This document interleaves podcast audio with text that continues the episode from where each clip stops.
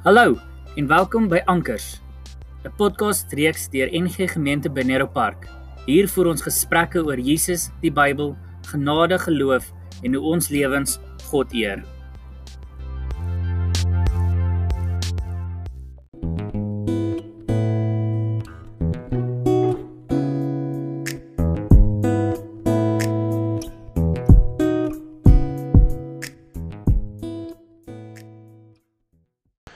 Goeiemôre. Dit is vandag Dinsdag, die 22ste September. Lekker om saam met jou te wees en te kuier op hierdie wintersdag in die middel van lente.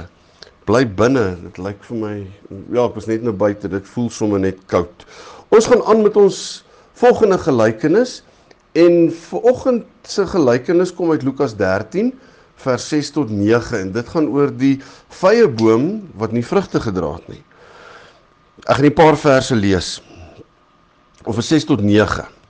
Um toe het Jesus hierdie gelykenis vertel. 'n Man het 'n vrye boom in sy tuin geplant. Met ander woorde, mense het presies geweet wat se boom dit is. 'n Vrye boom geplant en telkens gekom om te kyk of daar al vrye aan was. Maar hy was altyd teleurgestel. Uiteindelik het hy vir sy tuinier gesê: "Kyk, ek kom soek nou al 3 jaar lank vrugte.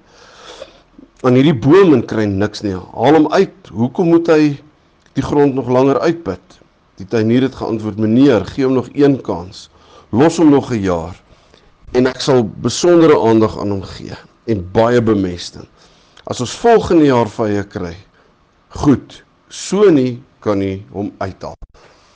Ek het 'n hele paar jaar gelede 'n storie gelees van twee prinses wat um in 'n openbare park gespeel het en daar was een van hierdie polisiekonstabels met daai hoë hoede uh, wat hulle het was daar gewees. En die twee prinsies daag mekaar toe uit hulle der mekaar. En sê ek weet jou jy kan nie daai ou se hoed met 'n klip afgooi nie. En hy gooi hom af. En die ou vererg hom toe die polisieman en hy stap na hulle twee toe en hulle sê en hy vra vir hulle en wat is jou naam? En hy sê sê nou maar ek is John so en so Duke of wat 'n plek ook al ou sê onmoontlik. Hy sê en hy vra vir die ander ou en jy, wat het jy te sê? Wat is jou naam? En hy sê nee, hy's prins so en so van daai area in Skotland of waar dit ook al mag wees. En die ou sê, maar dit is onmoontlik. So die punt van hierdie saak is om te sê hierdie polisieman het 'n bepaalde verwagting in sy kop gehad rondom hoe 'n prins behoort op te tree en dit het nie so gebeur nie. Goed, hulle was jong seuns en so aan, maar die prentjie wat sy wat die verwagting wat hy in sy kop gehad het rondom hoe 'n prins of 'n uh duke of wie ook al behoort op te tree pas nie by dit wat nou gebeur het nie. Dieselfde is waar van hierdie vrugteboom waarvan ons lees. Dis 'n vrye boom, so jy verwag vrye aan daardie boom. Dit het nie gebeur nie. En dieselfde gebeur met ons as gelowiges. Baie keer dan maak ons mense te mekaar deur ons optrede veral omdat hulle weet dat ons gelowiges is, dat ons Christene is, dat ons navolgers van die optrede van Jesus Christus is. En dit maak hulle te mekaar. Een ding wat ons nie kan verbykom nie, is dat in die Nuwe Testament word daar verskriklik baie klem gelê op vrug dra. So vir hierdie vrye boom was dit nie genoeg om net te sê tada ek is 'n vrye boom Ek is mos 'n vrye boom en dan nie vrug dra wat pas by 'n vrye boom nie.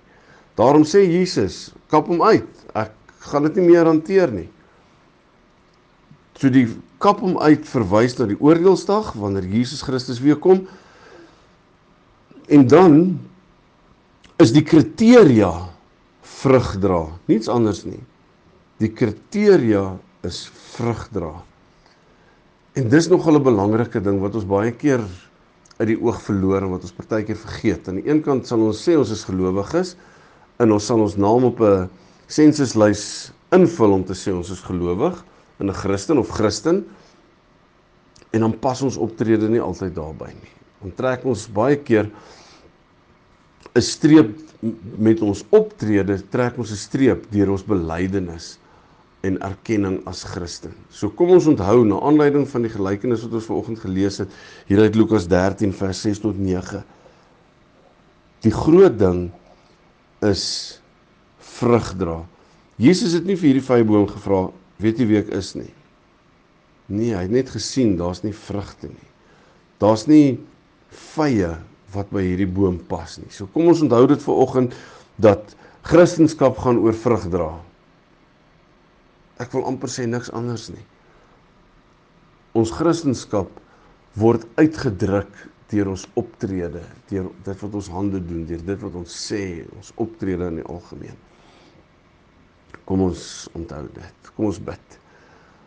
Heilige Gees, ver oggend besef ons opnuut weer dat ons belydenis moet uitdrukking vind in ons dade, in ons vrug dra. En ons besef dat dit nie altyd so is nie dat ons ook partykeer droë dae het of vrugtelose dae waar daar nie vrug is wat ons in ons lewens dra nie. Wat ons amper soos hierdie twee prinse is wat hierdie polisieman te mekaar maak en sê maar prinse tree nie so op nie.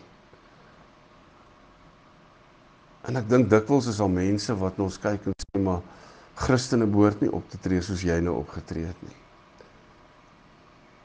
So daarom Heilige Gees herinner ons elkeen ver oggend weer aan die goed in ons lewens wat nie strook met ons belydenis nie. Wat nie lyk soos vrugte wat ons moet dra nie. Asseblief herinner vir ons elke oomblik wanneer ons iets doen wat nie pas by ons belydenis as Christen, gelowige, navolger van Jesus, 'n nabootser van Jesus Christus nie herinner ons asseblief. En ons bid dit in die naam van Jesus Christus ons Here. Amen. Lekker dag verder. Ek ken 'n paar mense wat altyd sal sê vandag is nou 'n goeie dag vir sop. So as jy sop eet, geniet dit. Ons gesels môre weer.